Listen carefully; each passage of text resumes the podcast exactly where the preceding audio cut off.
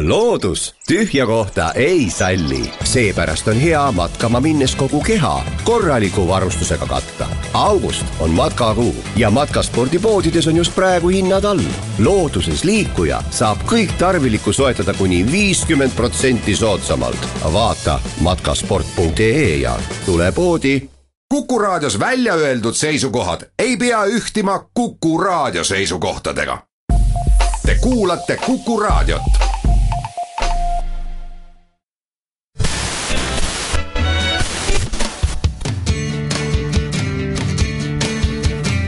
Radio Talsinki. Radio Talsinki ja unikaalsed Eesti lood toob teieni Solosokos Hotel Estoria.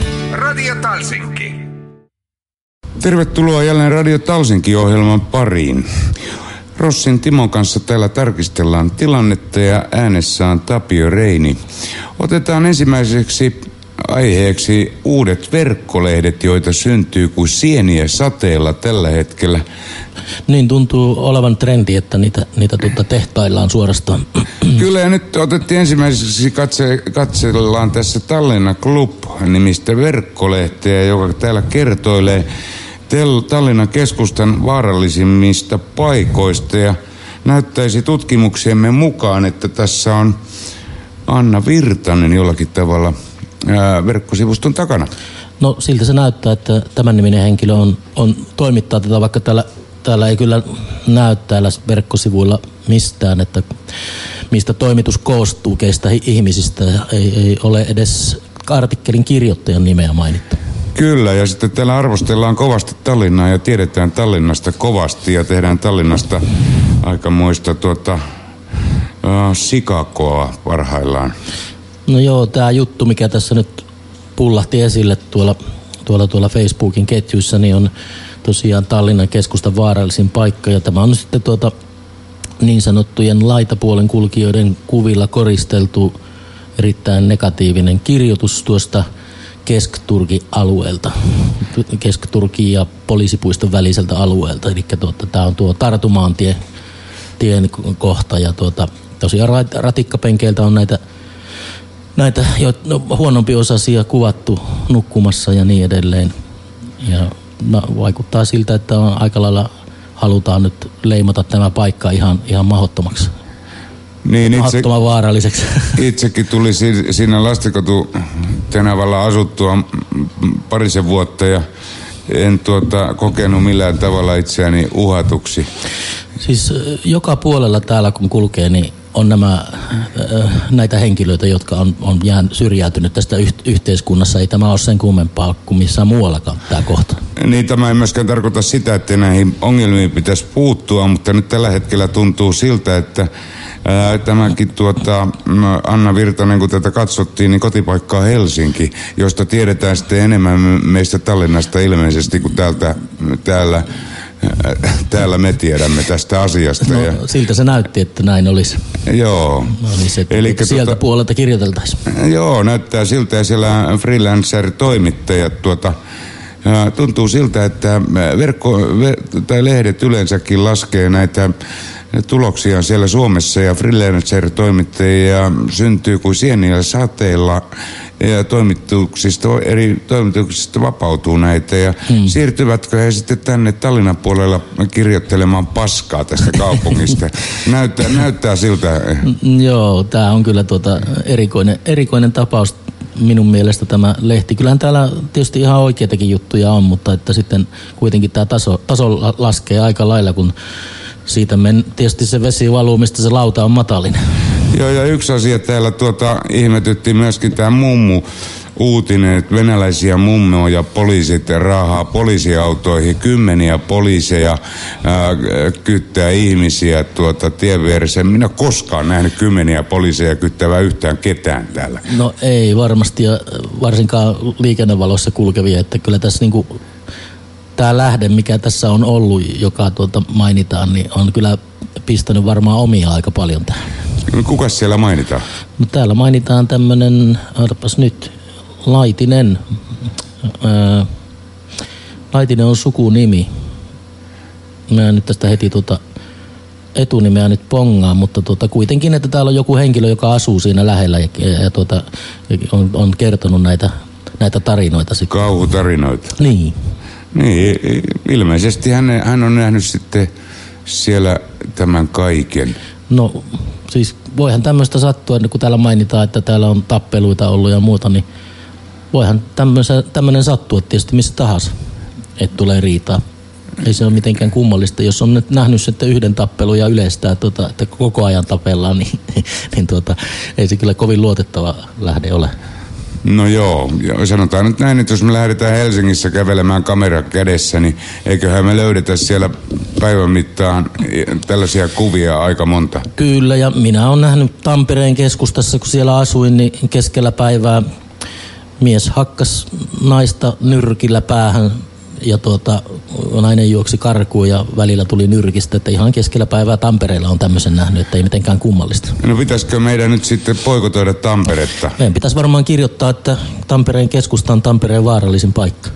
Niin, pistetään sinne, että Rossi näki tämmöisen tapauksen no. ja, ja tota, kirjoitetaan joka paikka, että nyt ei kannata enää koskaan mennä Tampereelle. Joo, siinä oli siinä Anttilan kulmilla, mutta ei kohta tietysti sitä Anttilaa olekaan, mutta tota, siinä oli semmoinen porukka, joka, joka tota, muovikassiensa kanssa ihan yhtä lailla kuin tämä, mitä tämän, nämä kuvat on tästä Tallinnasta, niin Mesus ja, ja tota, tosiaan näitä tämmöisiä tapauksia siellä näin ja siitä, siihen tota, koitettiin puuttua kanssa siellä, mutta tota, ei se porukka mihinkään lähtenyt. Siinä sitten oltiin vaan sulassa sovussa heidän kanssaan.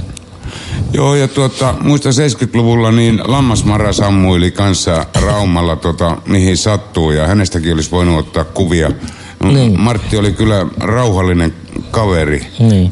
mutta kuvia hänestä olisi saanut kyllä joka viikonloppu ainakin ja viikollakin. Kyllä, tuota, minulle kävi tässä mielessä tämmöinen asia, kun mä luin tätä ja kattelin näitä kuvia, että tässä on jopa hieman niin kuin heidän ihmisarvoaan loukattu tässä tarinassa, vaikka silmät onkin peitetty. Joo, se, siellä on tota, joidenkin kohtalo on surkea ja sitten otettu naisihmisestä kuva mikä oikeus heillä on leimata tämä naisihminen? Hän ei tee mitään. Hän istuu siis penkillä, hänellä on muis, muovipussi edessään tuossa ja hän näyttää kyllä kieltämättä tuota laitapuolen kulkijalta, mutta mikä oikeus on panna tällaisen ihmisen tuota kuvaa nettilehteen ja leimata hänet? Niin, Taustalla voi, vaan. taustalla voi olla monenlaisia syitä, jotka ei johdu ihmistä itsestään. Mä ajattelen vain tämmöisiä asioita niin kuin mielenterveysongelmat ynnä muut, jotka voi johtaa tämmöiseen, tämmöiseen tilanteeseen ihmisen elämässä. Ja onko nämä haastateltu kaikki? Täällä lukee, että kodittomat valtaavat ratikkapysäkipenkit. Niin onko käyty kysymässä, että oletko sinä koditon vai etkö ole koditon? Onko tosiaankin faktaa? Ja nyt kun ei ole kirjoittajan nimiä täällä alla, niin ei voi edes tarkistaa sitä, että ää, mistä hän on fakta tottanut. Joo, kodittomuus ei varmastikaan näy päälle päin. Näin sitä sanotaan ja juuri oli Helsingistä tämä sama juttu, että, että tuota, tämä alkaa siis oksennuttamaan nämä kirjoitukset, jo, joissa joissa leimataan tuota, jotakin kaupungin osaa ja toista nostetaan. Ja, niin, ja ihmisiä leimataan tuota, niin, alatyylisesti. Niin, olkoon sitten minkä näköisiä hyvänsä. Niin, ja jos nyt tätäkin kuvaa katsoo, niin hänellä on siistit vaatteet päällä, ostoskassi tuossa.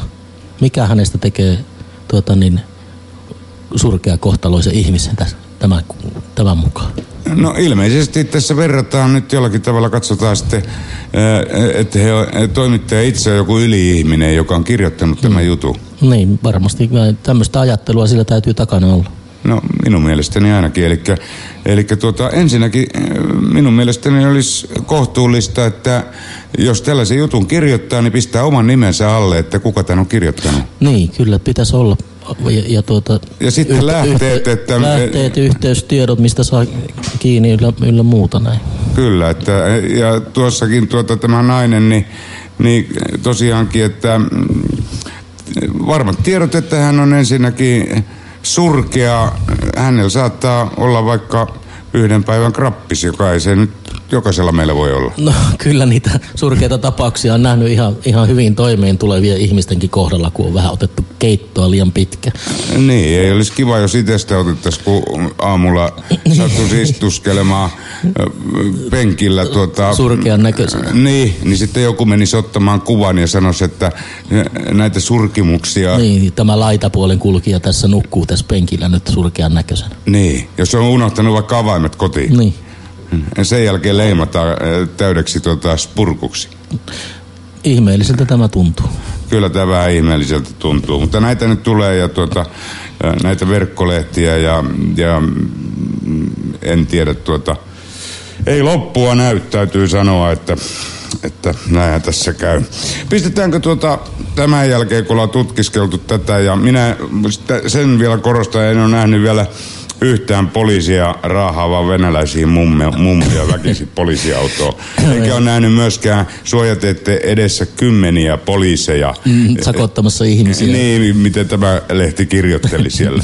Eli äh, täyttä saatana tuupaa. Aivan perätöntä.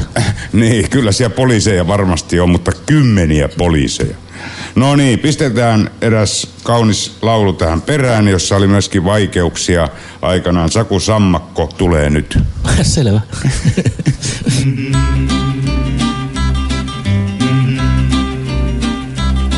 Saku Sammakko kosio matkallaan.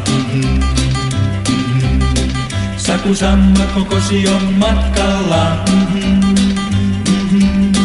Saku Sammakko kosio matkallaan. Hän lauleli kauniita lauluja.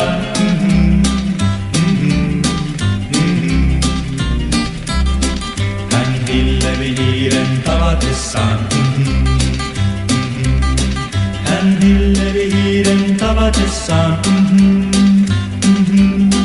Hän hillevi hiiren tavatessaan. Pyysi mukanaan tulemaan pappilaan.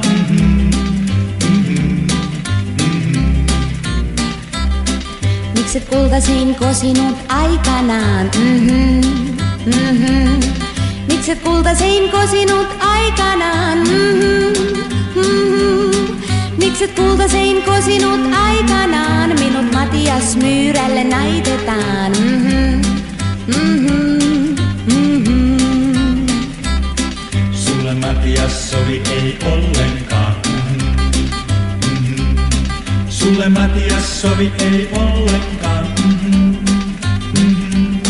Sulle Matias sovi ei ollenkaan. On multakin hänellä varpaissaan.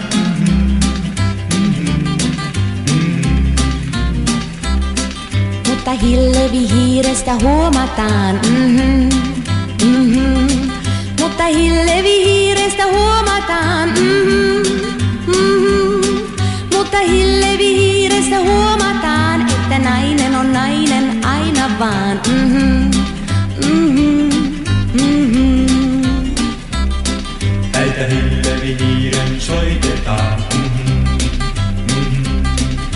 Hillevi hiiren soitetaan. Häitä hillevi hiiren soitetaan, mutta hevokatti Heikki on sulhasenaan.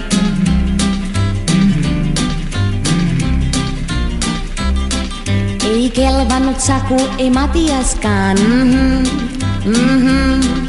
Ei kelvannut Saku, ei Matiaskaan. Mm-hmm, mm-hmm. Ei kelvannut Saku, ei Matiaskaan, sillä Heikkipä soitteli viuluaan. Mm-hmm, mm-hmm, mm-hmm. Saku Sammakko ei enää huomaakaan. Mm-hmm, mm-hmm. Saku Sammakko ei enää huomaakaan. Mm-hmm. Saku Sammakko ei enää huomaakaan, että multa on myyrällä varpaissaan. Mm-hmm. Mm-hmm. Mm-hmm.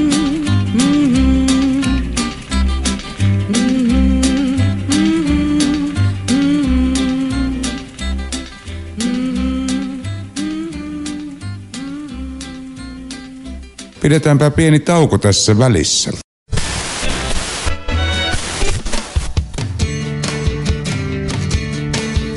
Radio Talsinki. Radio Talsinki ja unikaalsed Eesti lood toob teieni Solosokos Hotel Estoria. Radio Talsinki.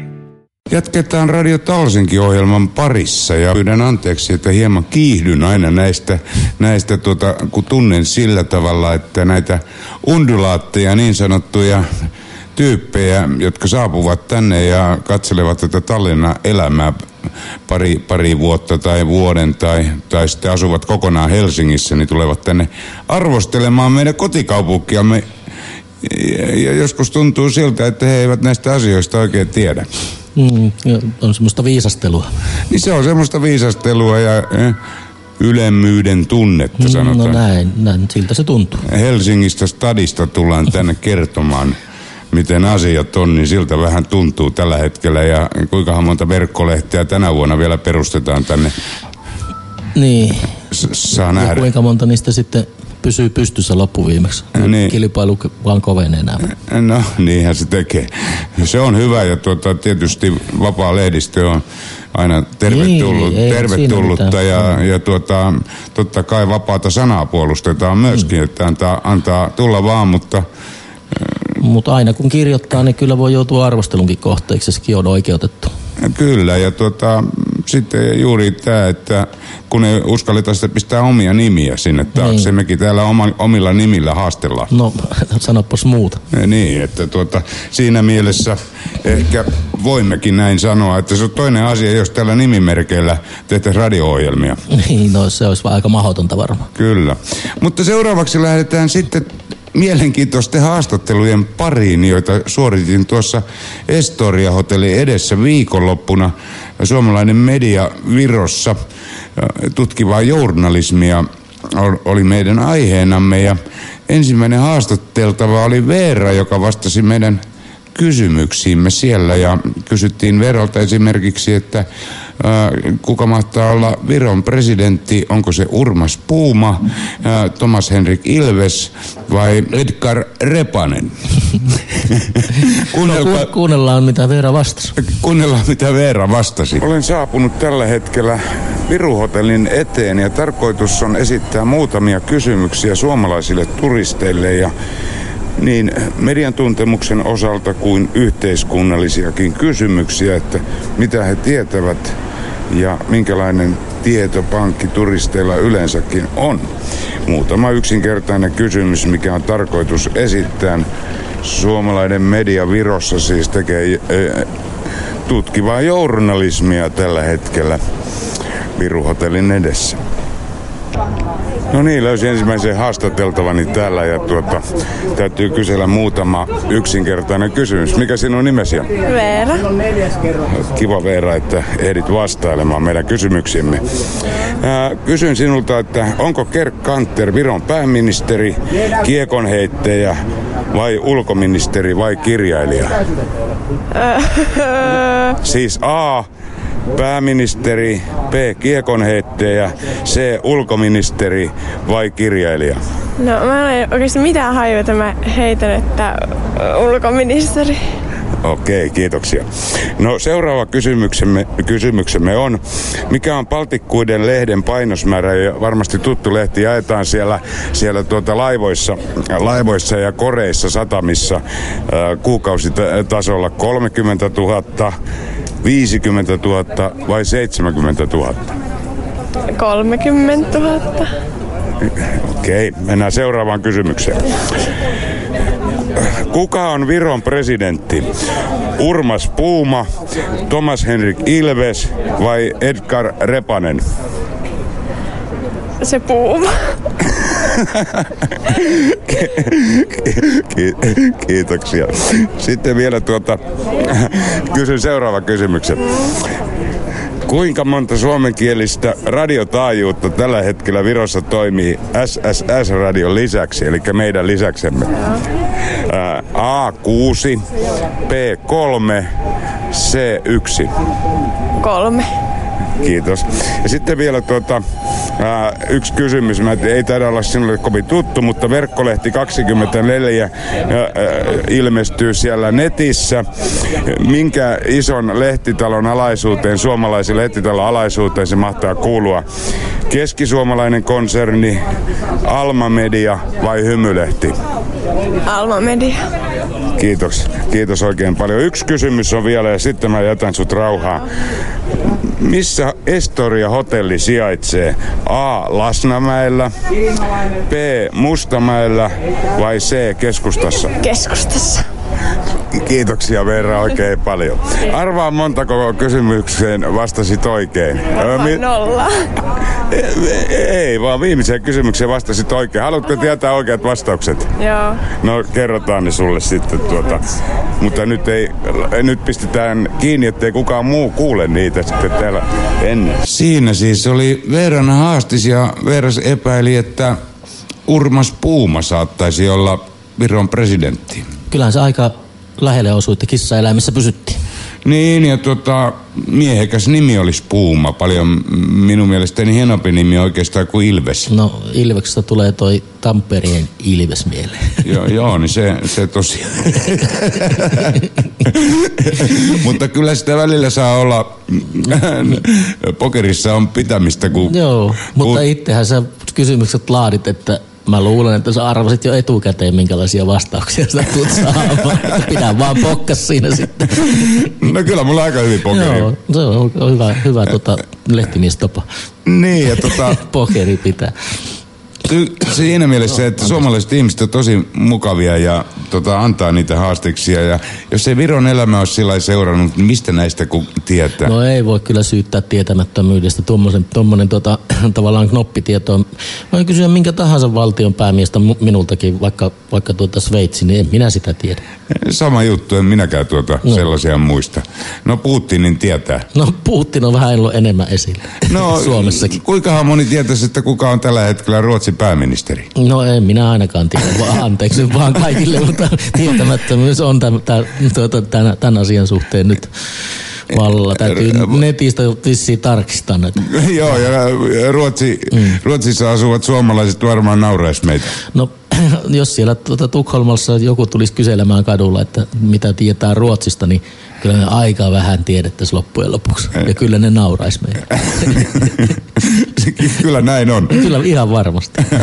että ei, ei tota, siinä, siinä mitään, mutta se oli, se oli kuitenkin semmoinen positiivinen ja hyvä reissu. Ja kuunnellaanpa seuraava haastattelu vielä siihen perään, että mitä vastauksia sitten lisää saatiin. Jatketaan näiden haastattelujen parissa. No niin, löysin sitten seuraavat haastateltavat ja esittelen kysymyksiä. Minkäs, mikäs äh, teidän nimenne on? Marja. Kiva, kun ehdit vastaamaan. Me- Meidän ensimmäinen kysymyksemme on, onko Kerk Kanter A. Viron pääministeri, B. Kiekoheittäjä, C. Ulkoministeri, D. Kirjailija?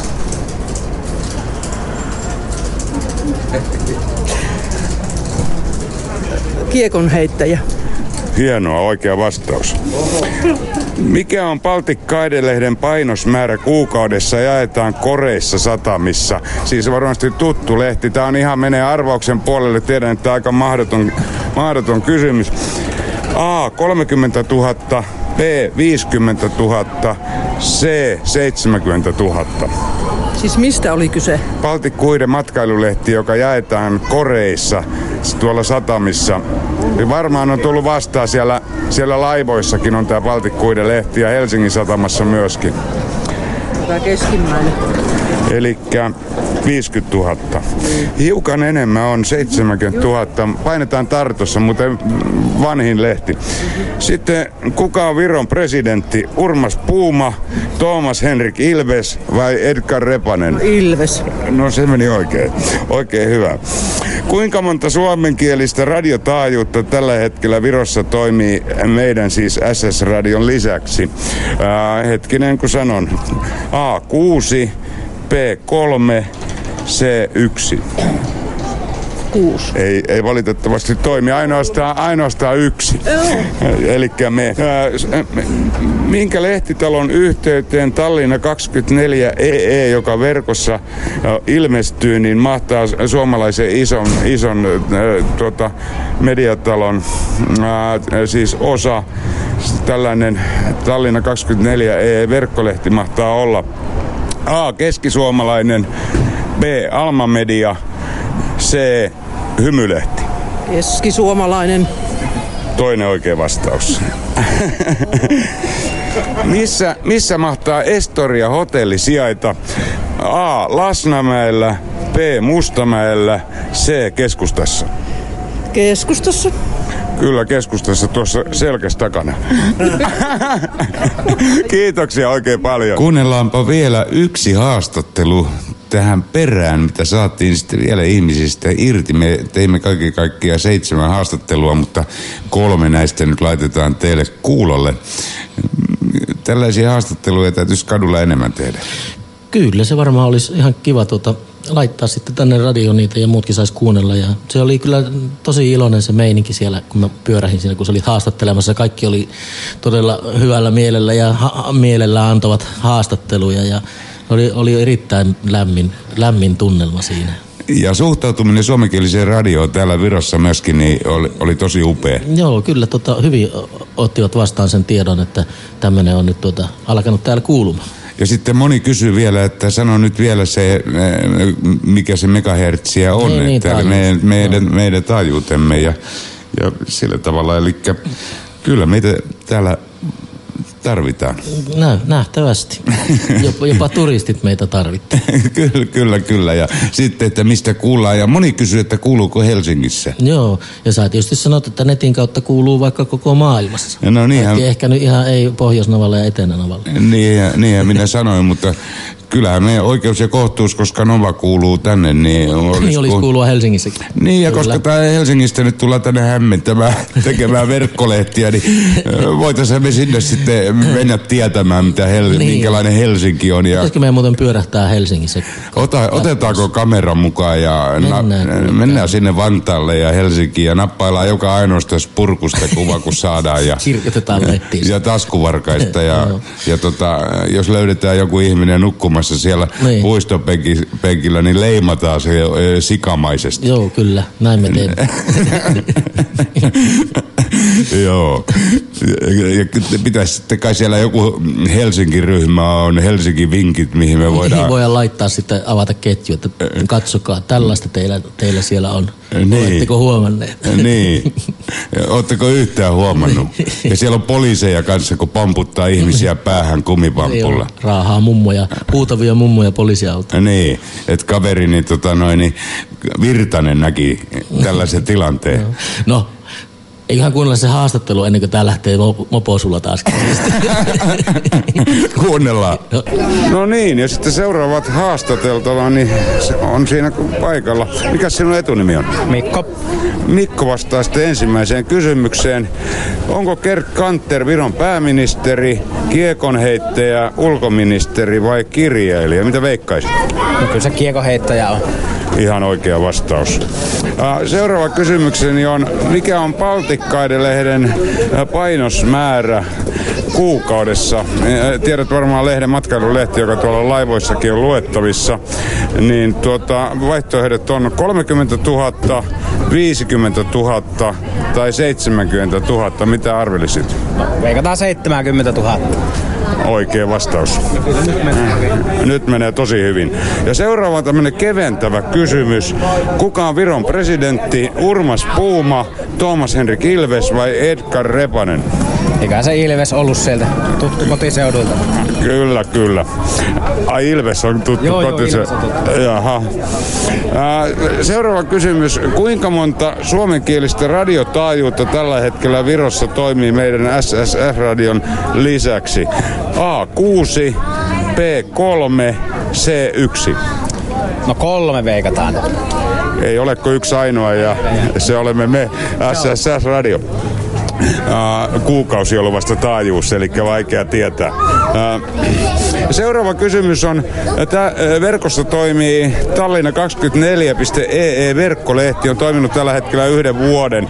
Ja tämä verkkolehti kuuluu yhden suome, suomalaisen ison lehtitalon alaisuuteen. Vaihtoehdot keskisuomalainen, ää, Alma Media vai Hymylehti. Mikä näistä? Olisiko se Alma Media sitten? Keskisuomalainen. Keski-Suomi. Kyllä. Aika Äh, niin, no joo, mutta näin se tosiaankin on. Sehän sopii, sehän on tuossa rannikolla just keski Kyllä. Ja sitten vielä viimeinen kysymys. Öö, missä Estoria Hotelli sijaitsee? A. Lasnamäellä, B. Mustamäellä vai C. Keskustassa? Keskustassa. Ja missäköhän päin? Tuossa selän takana ihan. Hienoa, sä olit mutta ensimmäinen kun tiesi. Joo. Käveli ohi siitä. Niin ei joskus lukenut sitä vanha sokoslainen, niin tietää nämä kaikki.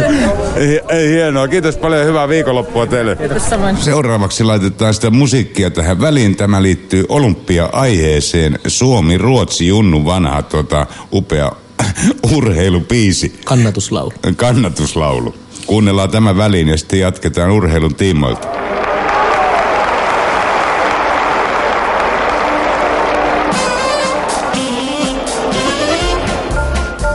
Maaottelussa kävin minäkin. Oli täynnä stadioni Helsingin. Jaska juoksi rataa kuusi kuutosakki kuusi. Mä sanoin kavereille, että kattokaa nyt vähän mitä huuatte, tehän munatte koko maan, kun te huuatte. Hakka päällä meidän Jaska, Ruotsi on taas täysin lyöty. Minä sanoin, tehkää värssy uusi. Suuren juhlan tuntu siellä on. Kiljuusakki, loppusoinnut on. Hei, hei ja hello rei, Suomi voiton sai.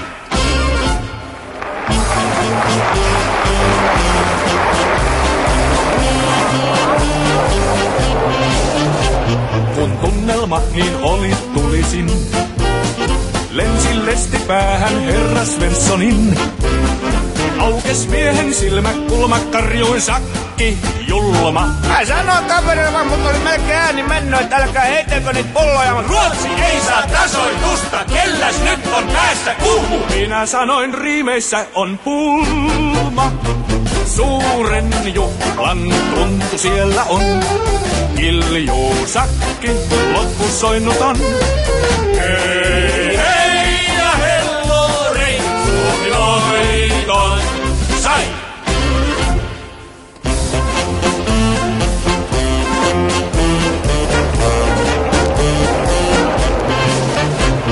Myös naiset kävi kenttätaistelun. Äijät punoitti ja vihelteli kun Liisa näytti paikan piukan, otti voiton niukan. Sitten mä sanon, että älkää enää huutako mitään, mutta on iho umpeen nyt ja... Eivät pärjää Ruotsin missit, vaikka onkin suuret luulot. Minä sanoin pieleen meni hiukan.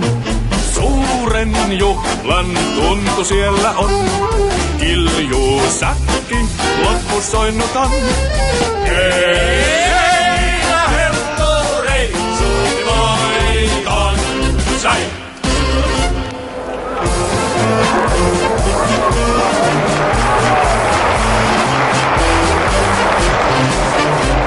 Ja sitten käytiin taisto viimeinen. Teki pitkän kaaren keihäs innusen. Svenskit viimeisiksi juuttui yksi aivan suuttui. Mä sanoin nyt sitten, että älkää nyt enää lyökö lyötyä, mutta eihän ne mitään... Pimeäksi meni vintti, hiljaisena hiipi Nilsson. Minä sanoin runojalka puuttui. Suuren juhlan tuntu siellä on. Kiljuusakki loppusoinnut on. Hei,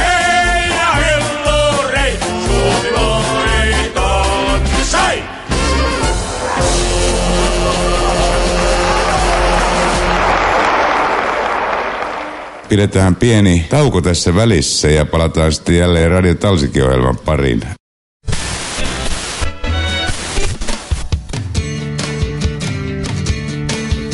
Radio Talsinki. Radio Talsinki ja unikaalsed Eesti lood toob teieni Solosokos Hotel Estoria. Radio Talsinki Radio Talsikin ohjelman parissa jatketaan studiossa Timo Rossi ja Tapio Reini. Siellä Viron soutu nelikko meni upeasti jatkoon ja finaaliin. Satutko huomaamaan? No, multa on jäänyt kisat nyt katsomatta to- toistaiseksi. En ole, en ole, en ole kattonut. Näkyisi netin kautta varmaan, mutta se nyt on jäänyt vielä. Tosi upea suoritus siellä. Tuota, tosin ää, putos Airo yhdeltä virolaiselta urheilijalta, ja tuota, ää, mutta sai sitten pidettyä se sillä tavalla, että voittivat oman, oman tuota alkueränsä ja finaaleihin sitten meni Joo. Viro upeasti. No jos- Kanada joutuu tällä, tällaisen samanlaisen tapauksen takia samassa alkuerässä lopettamaan. Joo, no se on lupaa hyvää, jos ilman yhtä airoa tuota, tehdään tämmöinen suoritus, niin, niin tuota, sitten kun kaikki airot, airot kyydissä, niin sieltähän voi tulla mitä, minkälaisia aikoja hyvänsä. No, hänellä ei jäänyt kuin kaksi vetoa pois, että hän sai sen airo kiinni, että se olisi ollut mahdoton tehtävä. Niin sitten enää sen jälkeen. Niin, Mutta jos- siitä huolimatta se hidastaahan se sellainen. Rytmi menee Niin. niin. sekaisin, että ihmeen hyvin he tota, Hallitsi sitten tämän. joo, tämän tilanteen. Harmi, kun ei tullut katsottua. Joo, uskon, että mitali tulee sieltä. Joo. Olen, olen tuota, Sä oot varma siitä. siitä. mä oon varma ja mä toivon sitä, että Viro ottaa soudussa ne, soutunelikossa. Täytyykin katsoa, Mitalin. näki, näkisikö se jostain se finaali sitten. Ja Suomen, Suomen pöytätennispelaaja myöskin jatkoo. Anteeksi nyt kaikille kuulijoille, mutta mä en tiedä koko olympialaisten tuloksista hölkäsin pölästä vielä. mä en tiedä minkä takia minua ei nyt ole hirveästi kiinnostunut. Ehkä sitten kun ruvetaan jalkapalloa pelaamaan, niin sitten minäkin katson. Vois, Timo voi kertoa sulle, että sitä alettu jo pelata. Onko alettu sillä lailla? Eli siinä meillä on varsinainen olympia. Olympiasankari. Niin, olympiasankari täytyy sanoa, mutta ei se... No minä lupaan nyt tänä iltana alkaa katsomaan. Joo, tuota, sellaista, mutta eh, kisathan jatkuu vielä pitkään. Niin, nekin Kyllä sä Timo ehdit vielä seuraamaan monia asioita, että, että ottaako Gert Kanter tuota mitali. Siellä oli muuten kysymyksissä tosiaan tämä Gert Kanter tuota, kysymys myöskin. Joo, hänestä vissiin mm, Viron pääministeriä leivottiin. Joo, en muista oliko pääministeri vai ulkoministeri. Jompikumpi se oli, en muista. mutta tuossahan se äsken tuli, tota, mutta en tiedä oliko noissa kolmessa haastattelussa. Niin mukana sitten. Niin, tämä, mutta äh, joka tapauksessa niin, niin kyllä Gert Kanterista tulisi hyvä pääministeri, mä oon ihan varma. Aivan varmasti. niin, mutta annetaan nyt vielä Taavi Roivaksen pitää tämä vakanssi Toistaiseksi. toistaiseksi tämä, tämä vakanssi. Kyllä, eli tällaisia, tällaisia tietoja tästä olympialaisista, eli ää, Timo Rossi ei vielä tiedä siitä yhtään mitään ja, ja edetään sillä ja toivotaan molemmille maille niin Virolle kuin Suomellekin hienoa menestystä ja, ja jatketaan näiden kisojen seuraamista. Minä ainakin jatkan. Joo. Ja, Ja totta kai toivotaan sekä Suomelle että Virolle. Ja Suomihan on ykkönen mitaleissa väkilukuun suhteutettuna koko maailmassa olympiamitaleissa ja Viro on siinä tilastossa kakkonen. aika upeat, Upeat suoritukset molemmilta mailta, pieniä maita ollaan. upeat tilastot. Se, se tuota, todettakoon tähän lopuksi. Tämän urheiluaiheisen jutustelumme tiimoilta. Joo. Näin on. Ja seuraavaksi sitten kuunnellaan kappale nimeltä Sähköä, nimittäin seuraava aiheemme liittyy tavallaan sähköön. Näin taitaa tehdä. Kuunnellaan biisi ensin ja palataan sitten asiaan.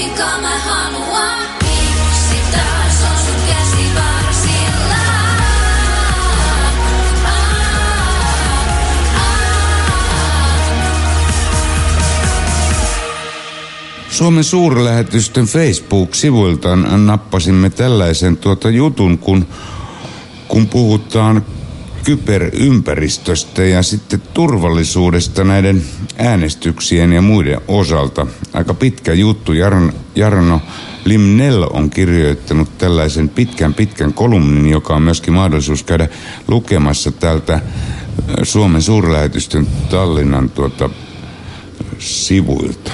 Joo, tämä on tietysti Yhdysvaltain tietomurtotapaus on pakottanut tuota, tässä nyt sitten arvo, ame- arvioimaan nykyistä enemmän sähköisen äänestyksen turvallisuutta. Niin, täällä lukee näin, että on hyvä, että Venäjän toiminta kyberympäristössä on nyt noussut julkiseen keskusteluun. Venäjä on toiminut digitaalisessa ympäristössä aktiivisesti ja viime vuosina aggre- aggressiivisuuttaan lisäten. Yhdysvaltain tietomurtotapaus pakottaa meidät arvioimaan nykyistä enemmän sähköisen äänestyksen turvallisuutta. Uhka-arvioissa on huomioitava mahdollisuus, että toinen valtio pyrkisi aktiivisesti vaikuttamaan esimerkiksi äänestäjärekistereihin ja äänien muuttamiseen tai katoamiseen. Niin, se on mahdollista. Mikään portaali tai, tai tuota tietorekisteri ei nykyään varmasti ole turvassa. Nämä hakkerit on niin päteviä noissa nois hommissa, ne pystyy varmastikin melkein mihinkä tahansa murtautumaan halutessa. Kyllä, ja, ja, ja vaikuttamaan myöskin kaikenlaisiin asioihin. No siellähän pystyy, jos nyt ajatellaan nyt tätä sähköistä äänestämistä, niin jos halua, halutessaan ja päästessään sinne, niin hän pystyy tosi, tosiaan vaikuttamaan siihen, ketkä, jopa siihen, ketkä sitä maata, maata hallitsee tulevaisuudessa. Eli he pystyy, pystyy sitä kautta vaikuttamaan siihen, että, että omamielisiä vieraavaltion ehdokkaita pääsee lävitse parlamenttiin ja hallitukseen ja vaikka minnekin. Ja minkälaisiin virkoihin. Niin. Tämä on kyllä tuota todellinen uhka, täytyy sanoa, ja jossakin mielessä voisi ajatella, että nämä paperiäänestykset on sitten kuitenkin parempia. Niin, niitäkin tietysti joissakin maissa osataan sotkea ja, ja tuota, hävitetään niitä äh, laatikoita ja muita, mutta tämmöisissä demokraattisissa valtioissa, jos näin sallitaan sanoa, niin kuin Viro ja Suomi on, niin, niin tämmöistähän ei enää tapahdu ollenkaan näissä lippuäänestyksissä, taikka sanotaan, että Suomessahan on lippuäänestys vielä, että täällä vissiin pystyy, on pystynyt jo kauan aikaa sitten sähköisesti äänestämään.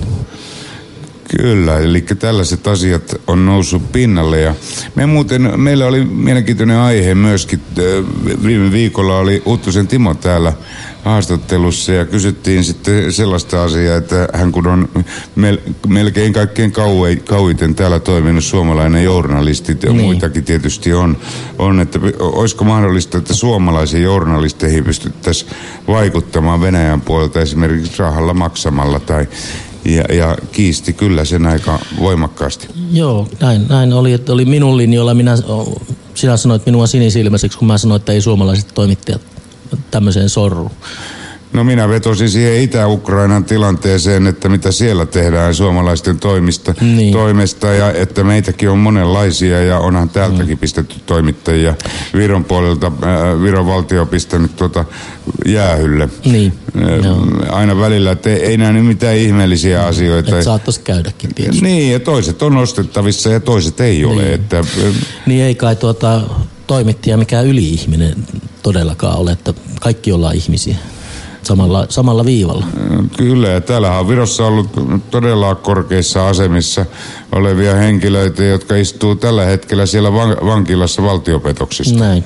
Eli ei, ei tämä ole mikään tuota sellainen asia, että hyvä, että otetaan mm, tällainenkin mahdollisuus huomioon. Joo, ja nimenomaan nyt tuo, kun luin tuon kirjoituksen, niin yhtäkkiä huomasin, että, että tuota, en ole itsekään tullut ajatelleeksi näin pitkälle asiaa, että voisi vois, vois tosiaan mennä, tulla hakkeroitua ja vaa, kokonaiset vaalit esimerkiksi.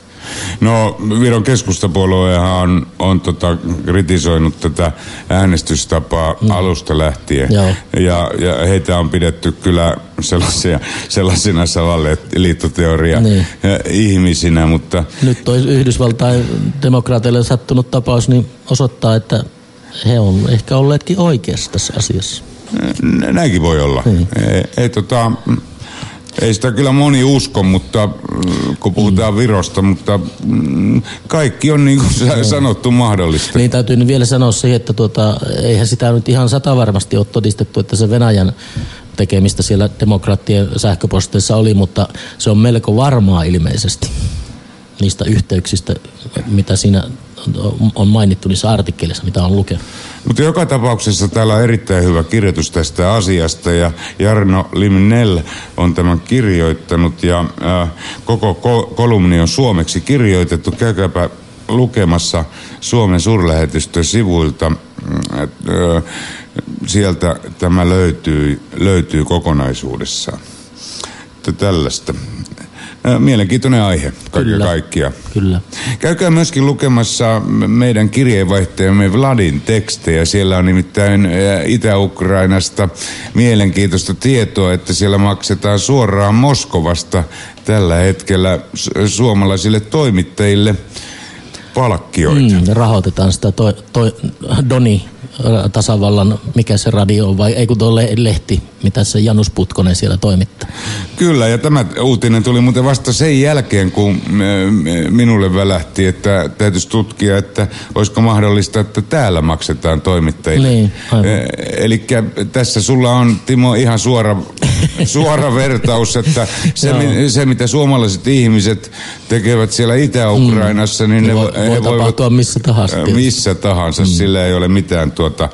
Ja nyt mitä enemmän tänne tulee näitä MV-tyyppisiä paskaverkkolehtiä, niin, niin. niin sen enemmän nousee tällainen mahdollisuus, Tietenkin. e- jolla ei ole niinku mo- moraalia ollenkaan. Niin, että- moraali kulkee siellä lompakossa mukana. Niin moraali on lompakossa ja mitä, mitä enemmän siellä on rahaa, niin sen vähemmän on moraalia. No näinhän siinä yleensä tahtoo käydä. Niin, et sen takia tässä nyt otetaan näitä asioita esille.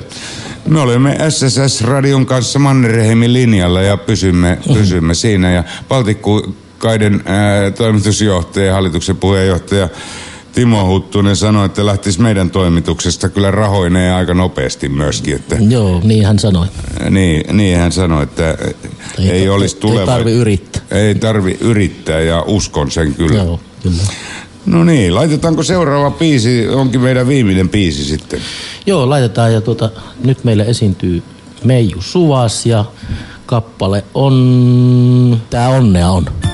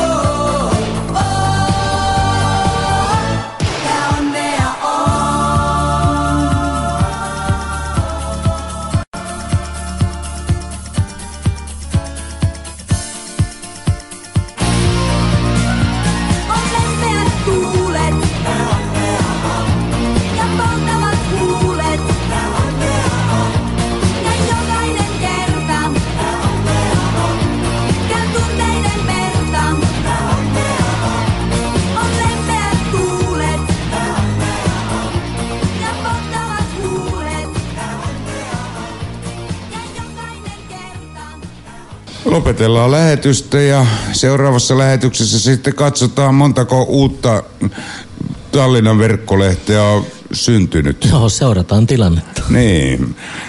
Täytyy nyt vielä sanoa, että Tallinnan 24.ee E tekee meidän kanssamme yhteistyötä ja heitä me ei tähän porukkaan lasketa. Näin on, to, todellakin pitää mainita ja siellä on erittäin, erittäin hieno pää, uusi päätoimittaja Tea Ekholm ja selvästi huomaa, että lehti, lehden linja on, on tuota todella, todella paljon parempi kuin aikaisemmin.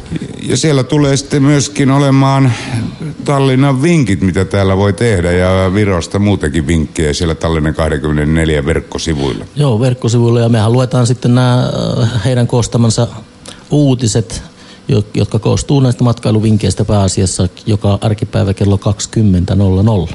Yhteistyö on voimaa. Kyllä. Ja olkaa myöskin meidän kanssamme kuulolla 92,4 megahertsiä ja aamullahan me aina aloitetaan arkisin kello kahdeksan aamun pläjäyksellä. Ja nyt sanon kaikille moi moi ja ensi viikkoon ja katsotaan mitä sitten taas jälleen tapahtuu. Moi moi.